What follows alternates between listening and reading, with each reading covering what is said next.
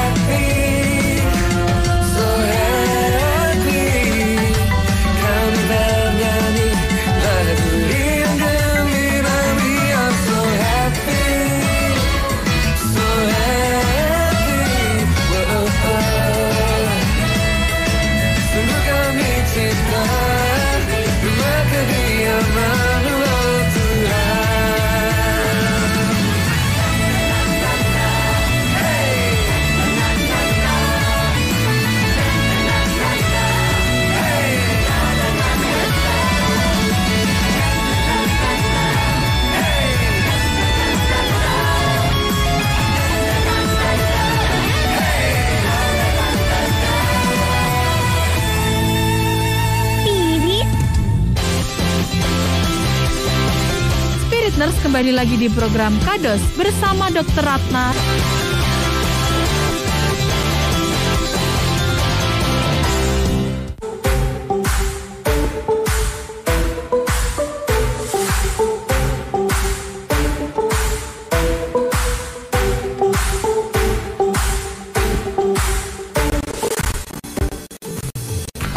Di Spirit FM ya Transform Your Life dan masih bersama dengan kita Andre, Justin dan Sally dan juga dokter kita pagi hari ini Dokter Ratna.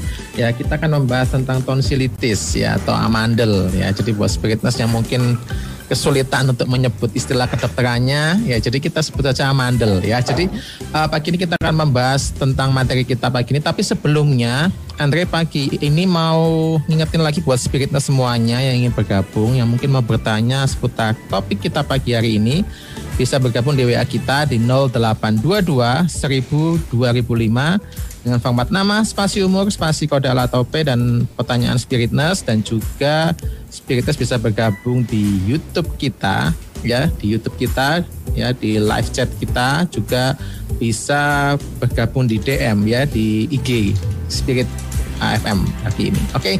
Dan kita akan langsung ke Dokter Ratna ya pagi hari ini untuk langsung membahas tentang materi kita. Silakan Dokter Ratna. Iya, pagi semuanya. Kita pagi ini kan mau membahas tonsilitis ya, seperti sebelumnya dibilang sama Justin sama Andre. Kok susah ya namanya tonsilitis gitu ya? Iya bener dok. Eh, memang Iya.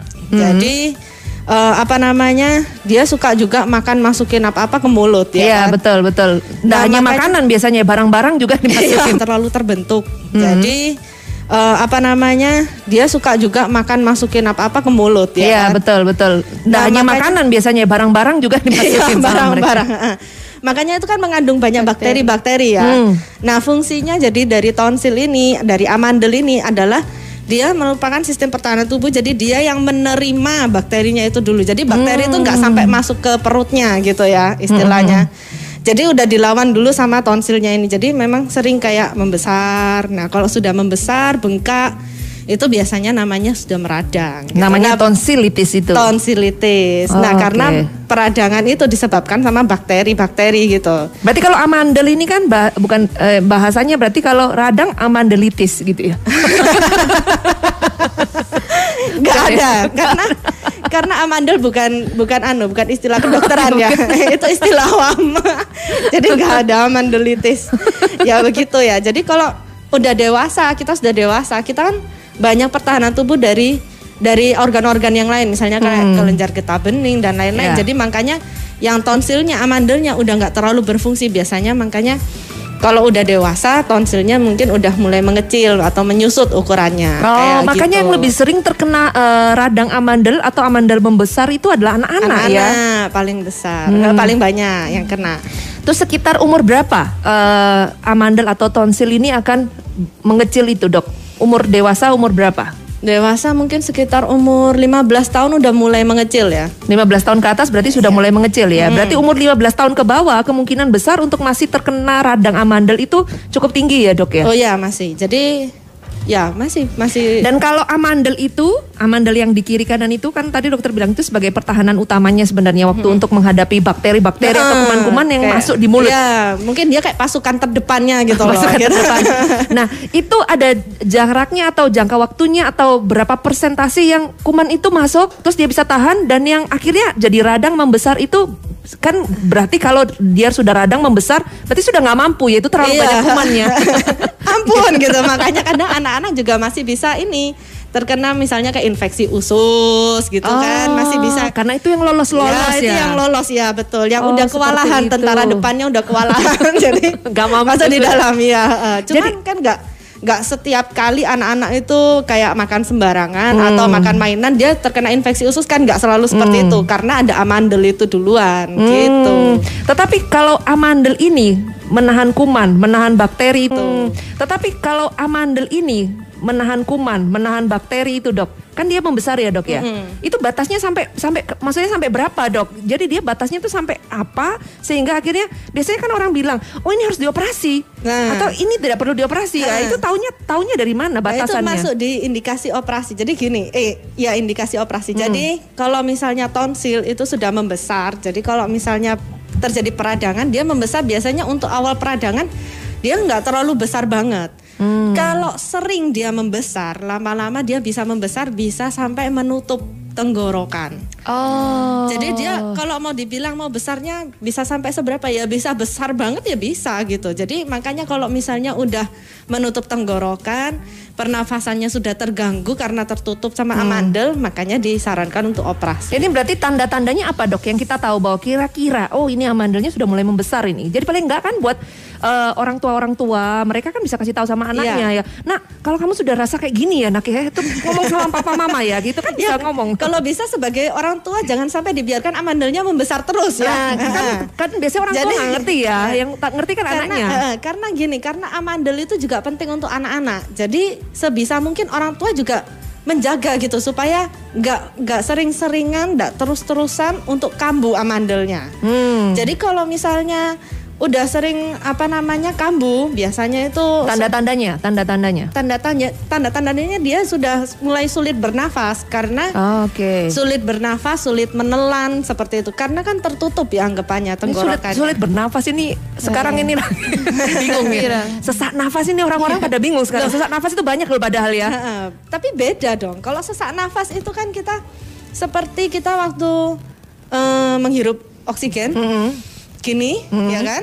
Itu kayak nggak masuk oksigennya. Itu namanya sesak. Sesak. Heeh. Kalau ini sulit bernafas. Kalau ini eh, seperti gini, kalau misalnya kita nggak bisa nafas ya kan, kita hidung kita buntu misalnya ya, kita nafas pakai mulut masih bisa kan? Iya. Nah kalau ini sudah nggak bisa, Oh. karena tertutup, karena jadi gini organnya ini kan kecil dua. Hmm. Kalau dia membesar, ini ini istilahnya yang di tengah ini. Jadi dia bisa menutup- tenggorokan ya. Ah. Dia bisa menutup gini. Jadi mau makanan juga tertutup kan, pasti Oke. terganggu jalannya gitu loh. Jadi selain sulit bernapas, sulit menelan. sulit menelan juga. Sulit minum juga berarti. Susah kan ya, nggak ada yang bisa masuk ya. Iya, ya. Kalau udah seperti itu kan mau nggak mau harus diangkat gitu. Makanya kadang dokter-dokter THT juga mempertimbangkan juga karena amandel ini juga dibutuhkan sama anak-anak gitu loh. Hmm, apa apa yang dibutuhkan sebenarnya untuk ya berarti pertahanan depannya hilang gitu aja kan kalau diambil ya. heeh, ya berarti kan lebih mudah misalnya kayak sering kena infeksi usus, Hmm. infeksi yang lebih berat malah lebih sering kena gitu loh maksudnya. Jadi kan Oh. anak-anak ini perlu ini juga makanya kalau udah dipesenin ini apa namanya radang amandel gitu. Hmm. Jadi harus hati-hati, jangan sampai sering kambuh, jangan dibiar-biarkan gitu anaknya makan bebas gitu. Eh, Tapi kan Misalnya- ada yang menjadi ini dok, ada yang menjadi eh, pemikiran orang tua biasanya amandel itu bisa meradang kebanyakan makan es krim, kebanyakan makan coklat, kebanyakan yang panas-panas. Ini bener gak dok? Bisa, bisa mempengaruhi, bisa. Karena dengan kita makan es krim sistem pertahanan tubuh kita juga akan turun kan. Dan kita akan lebih mudah gitu loh terkena apa namanya serangan virus, serangan bakteri dan di es krim es krim yang nggak jelas, di jajanan yang nggak jelas, itu kadang kan juga ada bakteri-bakterinya karena nggak higienis kan. Oh, Misalnya oke. karena esnya mungkin terbuka atau es batunya kita nggak tahu dari air mana ya kan? Bukan air minum mungkin bukan air yang layak minum. Kan bisa aja dijadikan es terus di pasrahkan kan kita nggak tahu gitu kan? nah kayak gitu-gitu kan bisa. Jadi kayak dari esnya sendiri itu bisa mengandung bakteri juga. Makanya itu yang menjadi faktor risiko akhirnya menjadikan kena amandel ini kena apa peradangan dari amandel gitu loh. Dan ini bagus sekali ya mungkin buat spiritness yang sudah menjadi orang tua ya, yang sudah mempunyai anak-anak mungkin atau mungkin eh, terutama anak-anak yang masih di bawah umur 15 tahun ya, di bawah umur 15 tahun. Mungkin kalian harus eh, mendengar juga pembicaraan kita pagi hari ini untuk kita eh, diperlengkapi, untuk kita mengerti sebenarnya ya bagaimana kita tahu atau bagaimana kita mengatasi radang amandel ini karena ternyata kalau menurut Dokter Ratna, seperti yang tadi sudah disampaikan bahwa ini sebenarnya pertahanan yang pertama dari anak-anak ya khususnya untuk kuman-kuman atau bakteri yang masuk dari mulut. Tapi nanti kita akan balik lagi setelah satu pujian berikut ini. Tetap di Spirit.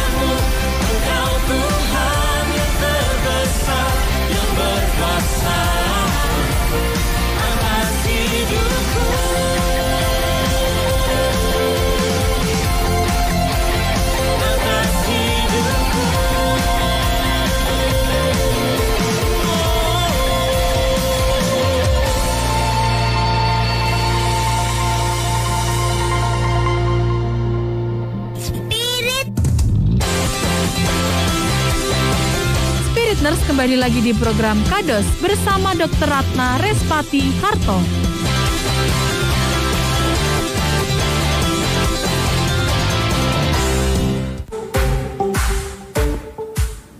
Oke masih di Spirit FM Transform Your Life dan masih di program Kados ya kata Dokter Spirit ya pagi ini sampai jam setengah sembilan. Oke dan masih bersama Andre, Justin, Sally dan juga narasumber kita pagi ini Dokter Ratna dan kita masih membahas tentang tonsilitis yaitu radang amandel ya. Nah uh, buat Spiritness yang ingin bertanya, ingin bergabung bisa langsung ya bergabung dengan WA kita di 0822 1000 2005 dengan formatnya nama, spasi umur, spasi kode L atau P dan juga bisa bergabung di YouTube ya di live chat kita dan juga di IG ya di DM. Nah, eh, juga Spiritness bisa mengikuti streaming kita di spiritoc.com. Oke dan kita akan lanjutkan untuk eh, materi kita pagi ini ya. Tadi kita sudah membahas ya tentang sedikit gejalanya dan kita akan langsung ke Dokter Ratna ini. Dokter Ratna, eh, apa sih eh, penyebab untuk peradangan amandel itu, Dokter Ratna? Silakan. Ya, kalau penyebab dari amandel tadi sebelumnya sudah sering saya katakan ya, ada selain bakteri. tadi ya. Bisa juga dari virus. Virus itu ya contohnya virus-virus yang menyebabkan kayak flu. Jadi kayak influenza. Terus ada juga para influenza, enterovirus ya kan. Terus bisa juga karena sistem imun yang kurang baik. Jadi sistem imun kurang baik ini yang saya maksudkan mungkin karena ada kelainan genetik ya. Ada kelainan genetik atau ada penyakit-penyakit bawaan gitu. Sejak bayi itu biasanya mempengaruhi sistem imun biasanya. Hmm. Nah, itu yang kalau sistem imunnya kurang baik ya pasti mudah terkena radang gitu ya. Kalau sistem imun kita baik memang radang ini nggak selalu terjadi gitu. Hmm. Cuman kalau memang terlalu berat ya kan kondisinya, mungkin sistem imun kita juga lagi kurang baik, kayak kurang tidur, Lagi drop gitu ya dok ya. lagi drop gitu ya. Jadi itu yang bisa bikin radang duluan itu yang amandelnya gitu. Karena dia pertahanan paling depan, jadi Iya. dia yang radang duluan. Iya, kasihan ya. Jadi dikorbankan dia. dia korban pertamanya. ya, seperti itu. Jadi ada virus, bakteri, ada juga yang eh, sis- karena sistem imunnya yang kurang baik, mungkin karena genetik itu. Tapi kalau tadi dokter bilang eh, gejalanya termasuk sulit menelan, terus eh, sulit bernafas juga. Mungkin ada gejala yang lain yang menjadi tanda-tanda awal bahwa sistem pertahanan tubuh kita paling depan ini sudah Nah, mulai gejala- meradang. sudah mulai meradang. Gejala-gejala ringan ya, gejala ringan untuk awal-awal biasanya pasti didahului dengan demam biasanya. Hmm. Jadi demam, posisi kayak meriang, nggak enak badannya, itu mulai menjadi tanda awal dari peradangan biasanya. Nah, setelah amandelnya, setelah tahu bahwa peradangan terjadi di amandel ya kan, ada nyeri tenggorokan, nyeri telan, nyeri menelan. Kalau nelen sakit dok, gitu ya. Itu makanya biasanya orang kalau udah nyeri telan pasti ngomongnya saya radang gitu ya, saya radang. Nah, terus ada juga eh, tapi ini agak jarang, cuman bisa juga menyebabkan bau mulut. Hmm. Bau, mulut. Terus kalau misalnya peradangan akhirnya kena pita suara bisa membuat suaranya serak. Karena Gitu emang ya. besarnya itu ya. Karena membesarnya itu. Nah, kalau besar banget biasanya kadang suaranya bisa sampai berubah. Oh. Jadi kayak beda. seperti orang lagi pilek ya dok ya. Iya, seperti gitu. Ini sebenarnya kalau tanda-tanda gejala kayak gini mirip-mirip sama Tapi corona. kan kalau ini semua kalau kita Demam. dari kemarin-kemarin ya Iya. Seli ya, kita Iya. kalau udah lihat gejala-gejala sudah mulai demam, nyeri tenggorokan ya kan. Terus uh, batuk, pilek. ini semuanya ini mirip-mirip. kita jadi sulit untuk membedakan. Makanya kenapa orang-orang pada bilang corona ini sebenarnya satu virus yang cukup berbahaya. Karena ternyata gejalanya dia mirip-mirip sama semua penyakit. Kompleks ya. bener bener. Lanjut dok. Selain Memang itu. gejalanya gejala umum banget ya. Banyak yang dialami kayak demam itu aja udah banyak Iya, gitu yang betul. mengalami demam gitu ya penyakit. Ya itu makanya demam itu menjadi istilahnya kayak alarm pertama satu tanda tubuh ya kita gitu loh. bahwa Kalau- ada infeksi yang terjadi. ada something wrong gitu Hmm. maksudnya. Nah, baru selanjutnya ditelusuri demam ini. Oh, di mananya yang nyeri? Di perutnya kah atau di tenggorokannya kayak gitu ya. Hmm. Akhirnya kalau di tenggorokan ya kita lakukan pemeriksaan. Nanti pasti kelihatan kalau amandelnya membesar bengkak gitu ya. Hmm. Nah, kalau udah besar banget biasanya anak-anak tidurnya ngorok. Oh. Nah itu bisa menjadi suatu tanda bahwa amandelnya udah mulai besar, udah mulai menutup jalan nafas atau Oh, menutup gitu. tenggorokan kayak gitu. Karena biasanya gini ngorok itu adalah suatu tanda bahwa pernafasan kita sebetulnya terganggu.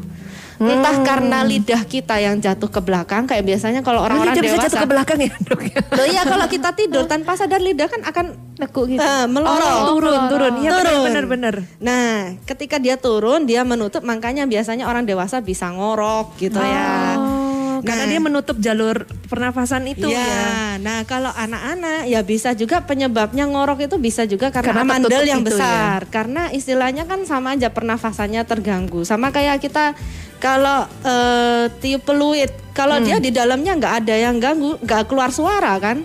Oh. Jadi kan di dalam peluit itu kan ada kayak bola. Iya, iya bola kecil biasanya. Nah, supaya suaranya bisa nyaring. Kalau bolanya diambil yang nggak ada ya kayak tiup-tiup biasa ya kan, Oh, nggak ada gitu ya, suaranya. Dok, ya.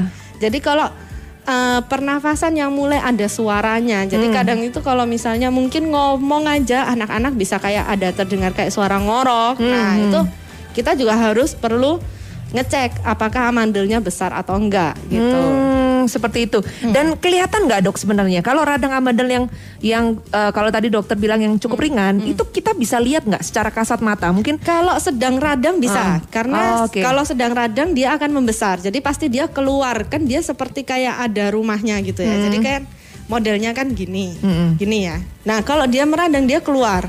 Oh. Nah, kalau dia udah reda radangnya, dia kembali lagi mengecil. Oke. Nah, cuman kalau itu sudah terlalu sering terjadi, setelah membesar, istilahnya itu molor amandelnya. Molor, iya, iya. Jadi dia nggak bisa kembali kecil lagi, hilang nggak bisa. Jadi dia kembali kecil, tapi tetap kelihatan. tetap kelihatan. Oh itu sama kayak punya saya dok. Makanya saya Nah. merasa kok saya Berat- punya ada kayak bayang-bayang. Berarti dulu kecil, berarti dulu kecil sering mengalami radang tenggorokan, radang amandel. Oh, Dan itu mungkin iya, iya, kalau iya, udah iya. dewasa, biasanya kalau udah mulai besar molor gitu, biasanya juga bisa sering kebawa sampai dewasa sering kena radang amandel. Oh, tapi Gitu. saya maksudnya radang amandel makanya kadang bingung ya. Radang amandel itu kan sebenarnya ke- ya sulit menelan, ya kayak sakit tenggorokan seperti itu juga. Tapi itu jarang saya alami, Dok. Iya, soalnya yang sulit menelan itu yang saya tadi bilang kan tadi Justin nanyanya indikasi operasi kan. Jadi yang betul-betul sudah menutup Oh, tenggorokan sudah parah banget nah, ya. karena dia sudah membesarnya itu sampai menutup rongga tenggorokan, pasti dia mengalami sulit menelan kayak Hmm, gitu. Nah, yang oke, dimaksud oke. di sini yang saya bilang bahwa membesar sampai sulit menelan itu adalah posisi di mana tidak ada peradangan. Jadi kan saya tadi bilang kalau dia molor dia udah semakin besar nggak bisa kembali normal. Nah kalau itu semakin sering terjadi dan terus menerus ya Hmm. kan, akhirnya lama-lama amandel meskipun tidak meradang dia akan membesar gitu loh. Jadi itu itu sama dengan berat badan saya ya. Setelah molor, setelah molor sulit, kembali. untuk kembali. Wah, ini saya lihat-lihat kok mirip amandel antara body saya sama amandel saya. Setelah Iya, molor sulit untuk kembali ya. Memang ini ya. Nah itu makanya kalau terlalu sering jadinya akhirnya gitu. Makanya anaknya meskipun tidak radang biasanya kayak ada ngoroknya. Itu mulai pertanda-tanda gangguan, ya. Nafasnya itu terganggu waktu tidur terutama ya kan. Hmm. Nah itu berarti tanda-tanda bahwa amandelnya udah terlalu besar. Nah kalau pada saat peradangan terjadi biasanya ini kalau misalnya agak lama kondisinya kan kadang kalau tonsilitis ini ada yang pendek jaraknya atau Hmm. tonsilitis akut ada yang kronis kronis itu agak panjang waktunya mungkin Berapa sekitar- lama waktunya dok? Waktunya mungkin sekitar kalau kronis itu dua mingguan ya. Jadi Hmm. kalau misalnya udah lama biasanya itu ada pembesaran kelenjar getah bening di sekitarnya. Jadi misalnya Di bagian leher situ di ya? bagian leher atau di area sekitar-sekitar amandelnya yang meradang. Oh, Jadi- yang biasanya memang anak-anak bilang Nah, aduh kok sakit ya sini Iya, malah gitu ya. Kok ada benjolannya di sini kalau Heeh. dipegang, kalau dipencet sakit. Nah, itu namanya kelenjar getah bening. Itu tim bantuan, pasukan bantuannya amandel gitu ya. Jadi kelenjar getah bening itu kan juga termasuk sistem pertahanan tubuh kita ya. Jadi kalau apa namanya Tim depan nggak mampu, tim belakang maju. Iya, tim belakang udah mulai dikirim gitu ya. Kenapa Andre? Tim tengah dulu. oh iya nanti tim bawah nanti ada munculnya. ini kayak pasukan perang ya ini ya maunya strategi. Nah kayak gitu. Jadi itu tadi gejalanya itu ada demam, nyeri tenggorokan, nyeri menelan. Terus ada kalau yang udah parah banget bisa sampai sulit menelan, Hmm. suaranya bisa serak. Hmm. Terus gini dok, eh, kalau ternyata eh, itu radang dibiarkan terus menerus, umpamanya umpamanya ya tidak ya mungkin anaknya bisa tahan atau mungkin biasanya dibiar-biarkan dulu gitu kan, atau cuma dikasih Dibiarkan sering terjadi gitu. Eh, eh, atau cuma dikasih ya minum air lah yang banyak dan lain sebagainya. Itu eh, bahaya nggak dok? Sebetulnya gini loh, orang tua itu kalau ngeliat anaknya kan sakit ya pasti kasihan kan ya. Nggak mungkin dibiarkan. Biasanya gini, kalau misalnya orang tua mungkin sedang eh, dengan minum air yang banyak tidak mengatasi ya kan, pasti biasanya dibawa berobat. Nah kalau enggak, kalau misalnya dibiarkan berlarut-larut ini penyakitnya, maka akan terjadi komplikasi. Ada komplikasinya meskipun kelihatannya sepele ya Ah, ah. cuman amandel cuman ya kecil aja gitu ya. Hmm. Tapi bisa ada komplikasinya. Komplikasinya itu bisa ya itu tadi kalau sudah ternyata kalau meradangnya besar banget tanpa dicekkan Hmm. gitu ya. Itu ya bisa terjadi kesulitan bernafas itu pasti. Hmm. Karena sudah nutup ininya ya, nutup jalan nafasnya. Nah, terus bisa juga jadi terganggu saat tidur seperti saya tadi bilang Ngorok itu ya? ngorok itu terus nanti lama-lama kan kalau ngorok itu istilahnya masih ada rongga. Hmm. Nah kalau misalnya dibiarkan terus menerus dia waktu posisi tidur dia akan nutup dan akan mengganggu nafasnya gitu loh. Dan itu tidurnya pun akan terganggu karena dia nggak bisa bernafas kalau tidur. Oh iya, berbahaya berbahaya nggak dok kalau tiba-tiba ternyata dia nggak bisa nafas? Berbahaya dong ya. Kayaknya berbahaya. Biasanya kalau kita kan berbahaya nggak nggak bisa bernafas. kalau kita kalau kita tiba-tiba kekurang, eh, maksudnya kalau kita kok nggak bisa ngambil nafas itu kan mungkin kita kebangun ya. Kalau Ah. anak-anak itu kan sulit ya mungkin untuk mereka bisa mengerti aku nih kurang apa sesak nafas, Oh, kalau mereka bernafas. refleks dong pasti. Refleks ya? Refleks itu memang maksudnya kan dari tubuh kita memang ngasih alarm. Oke, saya pikirnya nanti dia bener-bener nggak bisa tiba-tiba langsung ke sirup. kan Kayak- sekarang ini zaman-zaman corona ini kan Iya. ada yang kayak gitu ya, tiba-tiba kekurangan oksigen di nafasnya, tiba-tiba hilang deh. Oh ya, kalau misalnya oksigennya menurun secara perlahan mungkin nggak nggak nggak nggak sadar mungkin Hmm. ya. Tapi kalau misalnya ini kan anggapannya jadi waktu kita duduk dia bisa bernafas tapi waktu dia tidur itu terganggu nafasnya gitu loh. Jadi Hmm, oke. begitu tidur nggak bisa nafas gitu ya pasti dia kebangun gitu. Hmm. Nah, terus ada lagi yang lebih parah itu bisa terjadi abses. Abses ini seperti nanah gitu ya. Jadi eh, amandelnya itu bernanah dan itu nyerinya bukan main. Jadi anaknya biasanya nggak mau buka mulut kayak gitu. Jadi karena dia nggak mau buka mulut, berarti kan makannya juga terganggu kan. Sudah parah banget ya yang dibiarkan terus-menerus itu Heeh, dok ya. karena dibiarkan gitu. Peradangan yang dibiarkan akhirnya menjadi abses gitu ya. Terus bisa juga infeksi ini dari peradangan ini itu bisa menyebar ke organ yang lain gitu. Hmm. Nah kalau misalnya dibiarkan terus menerus organnya nggak cuman yang dari kelenjar getah bening, tapi bisa juga infeksi yang lain, misalnya infeksi usus, infeksi Hmm. yang lebih dalam, infeksi lambung, infeksi ya karena kayak gitu karena kuman-kumannya sudah turun ke bawah Iya, ya, heeh, dok ya. heeh. Yang pertahanan pertama dan tengah katanya Andre sudah nggak mampu, akhirnya turun ke bawah. Iya. Nanti pertahanan bawahnya akhirnya muncul ya Andre. Kalau yang bawah nggak mampu juga udah lebih parah lagi nanti. Nanti gitu lebih parah, komplikasinya Karena lebih- infeksinya bisa di diserap di darah, nanti malah infeksinya malah menyebar di seluruh tubuh, bisa kayak gitu, bisa sampai ke ginjal, bisa juga. Kayak Makanya gitu. berbahayanya mulut ya kan. Makanya orang-orang bilang, kenapa kita sekarang mulutnya harus ditutup? Kita memang Ini lain lagi. lain lagi ceritanya. Iya, ini lain lagi. Mungkin ada pertanyaan tadi ya Seli ya. Ya, ini ada pertanyaan dari Pak Yun. Apa pantangannya untuk amandel dan kalau amandel itu dibuang apa pengaruhnya untuk tubuh dokter? Eh, kalau untuk yang usia dewasa ya untuk yang usia dewasa itu sebetulnya nggak terlalu ngaruh kalau amandelnya dibuang karena yang kayak tadi saya bilang di awal bahwa sistem pertahan- pertahanan tubuh untuk orang dewasa itu sudah terbentuk dengan baik. Hmm. Jadi kalau amandelnya mau dibuang nggak masalah. Cuman kan nggak ada ya orang yang tahu-tahu pergi ke dok, dok saya mau operasi amandelnya dibuang aja. Kelihatannya nggak berguna gitu ya. Ya gimana pun memang dia pasti ada gunanya gitu. Karena kita sampai dewasa juga kita apa mengalami radang amandel juga ya kan. Nah karena itu berarti masih ada fungsinya dia itu. Masih juga dia mempertahankan tubuh kita. Berapa gitu. kira-kira presentasi kemungkinan untuk dia masih tetap menjadi pertahanan utama waktu kita sudah dewasa dok?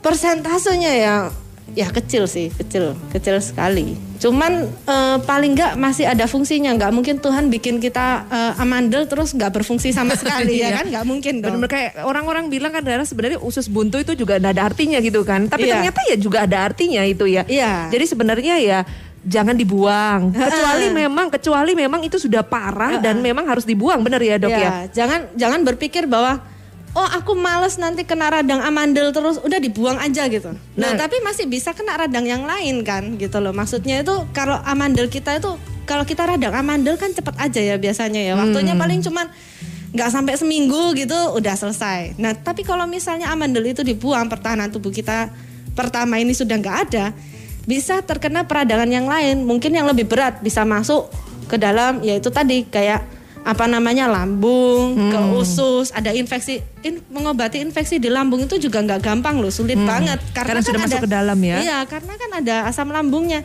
Dan itu ngobatinnya juga kalau misalnya sekarang kita aja loh ngelihat orang kena infeksi usus, nggak ada kan yang cuman hitungan hari, Hmm. Iya, paling betul. seminggu gitu kan, seminggu lebih gitu Belum kan. lagi kalau ternyata prosedurnya harus dioperasi. Nah, gitu ya kan gitu. Kan mendingan kita ya udahlah kena kecil-kecil aja radang amandel ya. Kalau bisa ya dicegah makannya ya dengan pantangannya.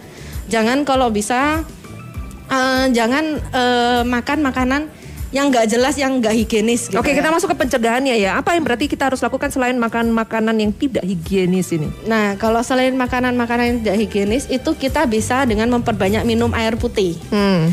Memperbanyak minum air putih, terus istirahat yang cukup, terus kemudian jangan merokok ya. kalau yang nggak merokok ya kalau bisa hindarin asap rokok karena asap rokok pun Berbahaya itu, ya. asap rokok pun juga berbahaya gitu loh. Bisa menyebabkan peradangan juga bagi yang menghirupnya. Jadi perokok aktif maupun pasif itu cukup resiko untuk terkena radang amandel itu. Iya, biasanya kalau perokok aktif memang lebih sering terkena radang amandel gitu. Hmm. Cuman kalau perokok pasif kan biasanya mungkin kayak lewat-lewat aja gitu. Cuman kalau bisa sih dihindarin supaya nggak kena sama sekali gitu loh kalau bisa. Terus kemudian berolahraga, olahraga, terus eh, apa namanya makan makanan yang bernutrisi ya. Hmm, yang bergizi makannya- tadi eh, itu ya. bergizi. Kalau kita masuk ke cara mengatasinya dok, kalau umpamanya sudah terlanjur lah, sudah ada radang ya anak-anak sudah mulai, aduh mah kok lehernya sakit ya gitu ya. Biasanya kan mereka bilang seperti itu dulu ya. Itu mungkin ada ada hal khusus nggak? Maksudnya atau ada obat-obatan khusus nggak yang perlu kita kasihkan kepada anak kita atau lebih baik kita konsultasikan ke dokter dulu? Tingkatannya Kalau- seperti apa? Kalau mau ya, kalau misalnya baru awal-awal kasih minum air aja yang banyak. Hmm. Biasanya itu sudah cukup membantu gitu. Mhm. Besoknya bisanya eh, bisa meringankan dengan minum air yang banyak. Terus kemudian kalau mau kalau untuk usia-usia lima tahun ke atas ya udah bisa mungkin dikasih permen pelega tenggorokan. Itu Oh, bisa oke. juga membantu gitu ya. Permen Tapi- pelega tenggorokan. Ah. Biasanya pedes buat mereka. Isis. Benar-benar ada min-minnya gitu ya. makanya kan saya bilang biasanya sih anak-anak lima tahun ke atas gitu, Hmm. kalau mau ya boleh, itu bisa membantu. Kalau enggak ya dengan minum air putih yang banyak dan istirahat. Jadi anaknya jangan boleh main-main ya, apa diperbanyak istirahat tidurnya gitu ya. Hmm. Itu biasanya besoknya udah enakan, udah membaik. Tapi kalau semakin parah, kalau semakin parah dibawa ke dokter aja untuk ditambahin dengan minum obat. Oh, Oke, berarti eh, semakin parahnya ini yang perlu kita ketahui dok, yang harus pergi ke dokter untuk konsultasi. Semakin parahnya itu seperti apa? Jadi kalau misalnya demam, demamnya udah di atas 39, Lu tinggi banget kan itu. Oh, oke, oke, nah oke. terus kalau misalnya udah mulai lehernya kaku atau kalau enggak eh, nyeri menelannya semakin parah. Hmm. Jadi kayak saya bilang mungkin tadi untuk buka mulut dia eh, kesakitan misalnya kayak gitu. Itu udah terlalu parah. Biasanya eh, apa namanya? dibawa aja ke dokter gitu. Hmm, karena untuk kan perlu eh, karena perlu tambahan obat-obatan gitu. Oke, nah tadi kita sudah membahas tentang uh, tips-tips mengatasi dan juga gejalanya ya, bagaimana supaya kita tahu untuk kita mengambil satu langkah atau tindakan ya dokter ya. Nah, kita, kita nanti akan sambung lagi untuk uh, materi kita tentang radang amandel ini dan buat Spiritnya juga bisa bergabung di WA kita di live chat atau di IG ya dan tetap stay tune di Spirit FM.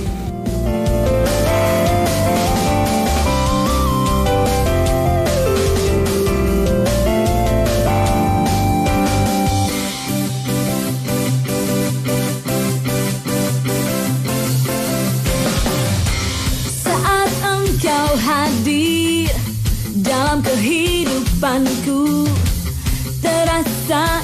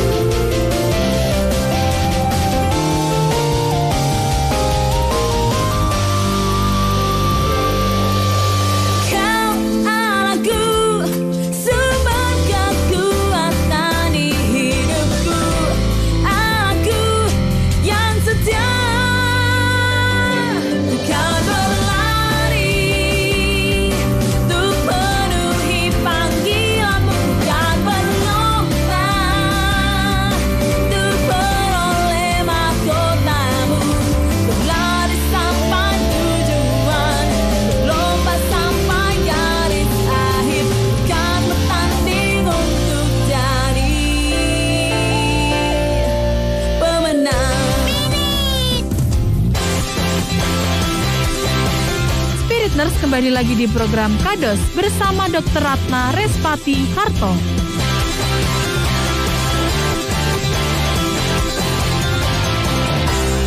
Oke, balik lagi bersama dengan Justin, Sally, Andre, dan juga kita ditemani oleh Dr. Ratna. Pagi hari ini kita membahas tentang amandel ya, atau tonsil, tapi lebih tepatnya tonsilitis atau radang amandel sebenarnya. Dan kita tadi sudah dijelaskan sama dokter bagaimana gejalanya, apa yang harus kita lakukan ya kan kalau un- terjadi radang amandel ini, terus berapa lama juga.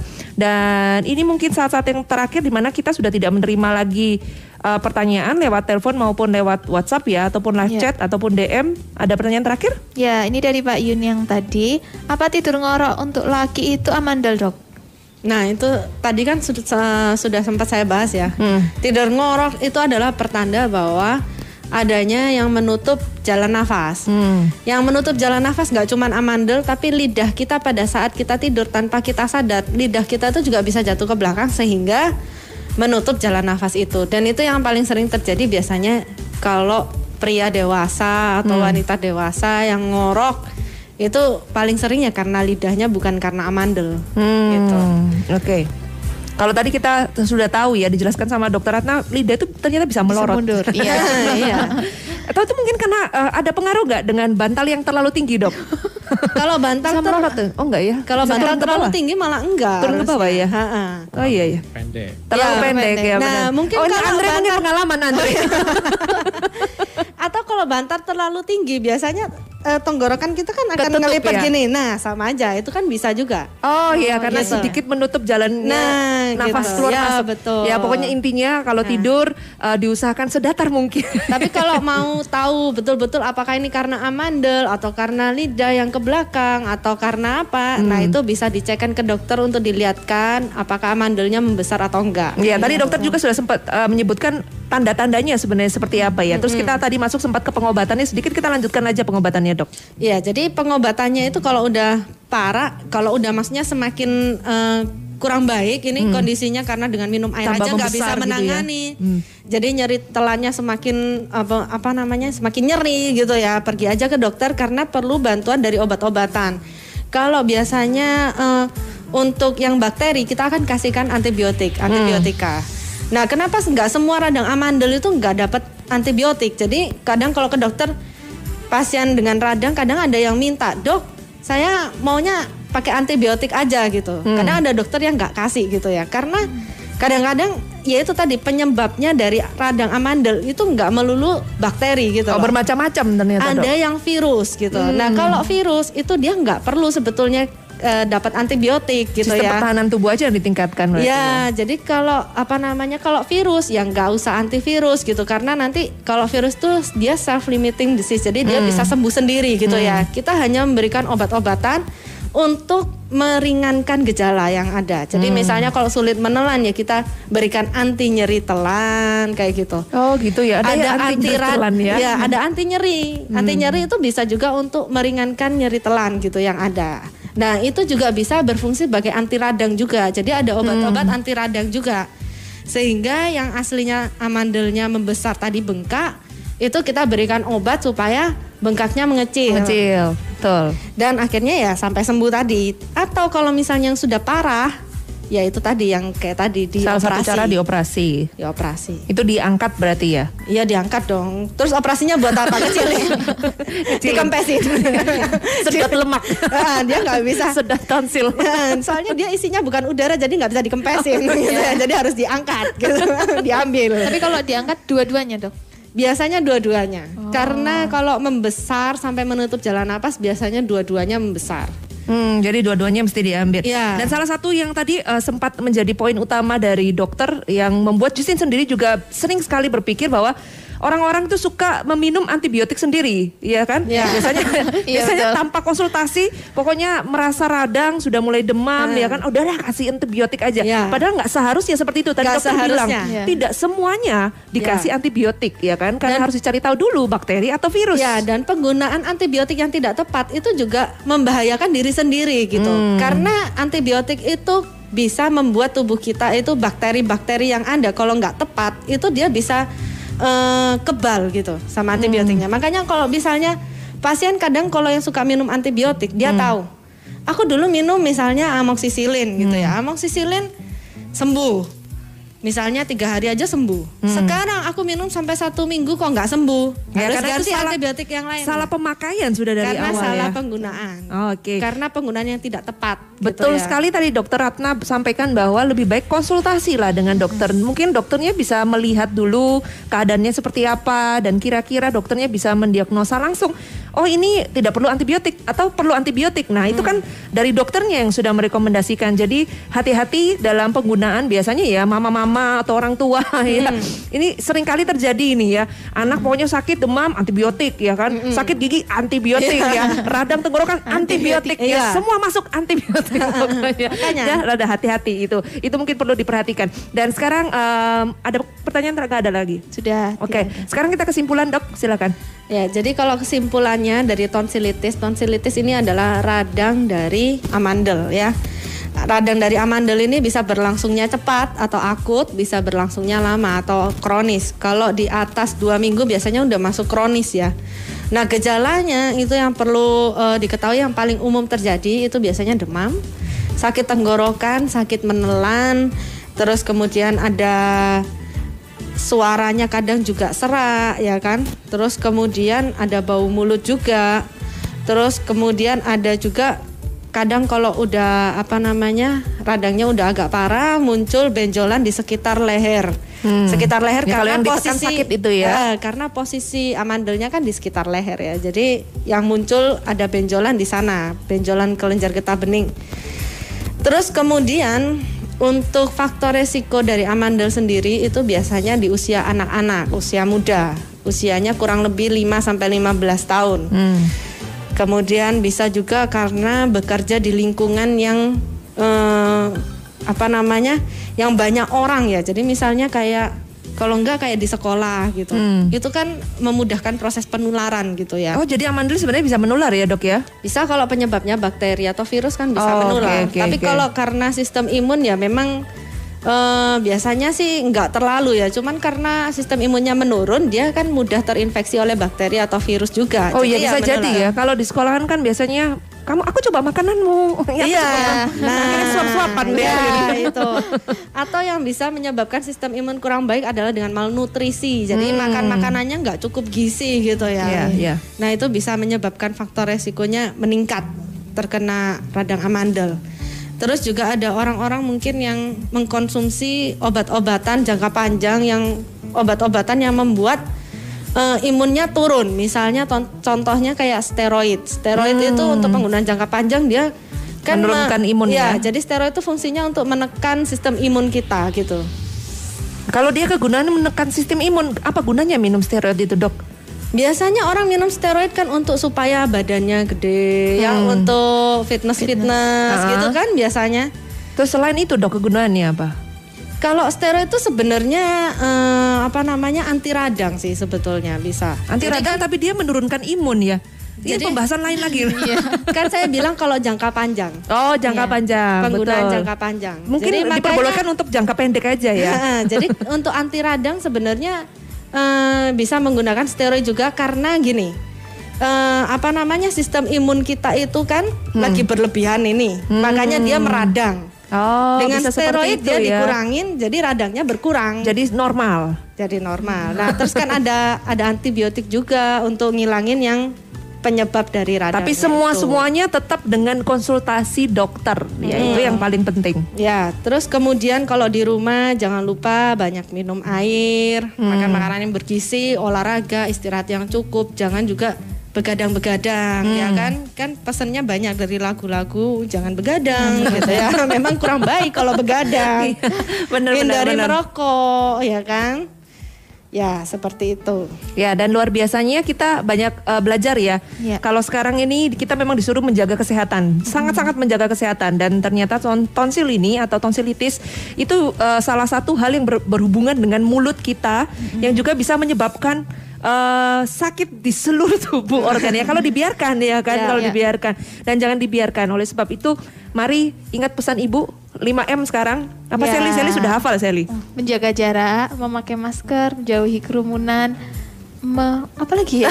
mencuci tangan, Cuci tangan. mengurangi Mobilitas. atau aktivitas dan Oke. kita ingat terus untuk kita tetap menjaga kesehatan ya selama masih pandemi ini dan sebelum vaksin juga mak vaksin mendekati akhir-akhir iya akhir-akhir tahun ya kurang lebih lah Iya. ada sampai tahun depan mungkin yang dapat ya. jadi lebih baik kita jaga kesehatan diri begitu juga eh, kemarin-kemarin ada dokter sampaikan bahwa setelah divaksin pun belum tentu itu eh, membuat kita kebal terhadap Iya, virus iya. corona ini kita tetap harus menjaga protokol kesehatan yang sudah diberikan oleh pemerintah untuk kita bisa menjaga diri kita, menjaga kesehatan kita. Terima kasih buat Dokter Ratna yang hari ini sudah berbagi sangat-sangat bagus sekali pengetahuan yang perlu ditahu untuk Iya, ibu-ibu betul. atau orang tua terutamanya. Iya. Karena anak-anak ini kadang itu minum itu mereka paling kurang. Jadi harus disuruh banyak minum, banyak minum. Nah, harus Itu juga- diingetin terus. Itu salah satu juga eh, faktor yang paling penting sebenarnya untuk fungsi kesehatan tubuh kita ya, paling utama sebenarnya Dok ya. Dan terima kasih juga buat Sally, Andro dan juga Pak Yun yang tadi sudah bergabung Iya, ya. Yun. Terima kasih buat semua spiritnya yang sudah bergabung dengan kita. Ingat terus ada kata dokter spirit setiap hari Kamis jam 7.30 hingga 8.30. Kita punya program yang lain ya Sally ya? Ya, juga ada spirit request nanti siang, Senin sampai Jumat jam 12 sampai jam 2 siang. Ada program yang lain juga kan Andre? Iya betul. Ada juga Prime, ada juga eh, apa ya? Cuti. Nah, curahan hati. Dan kita masih ajak semua spiritness tetap dengarkan uh, Spirit 24 jam sehari. Kita banyak sekali memutarkan puji-pujian yang tentu saja menguatkan. Akhir kata kita mau ucapin buat semuanya keep the spirit, keep the fire and God bless you. Bless you.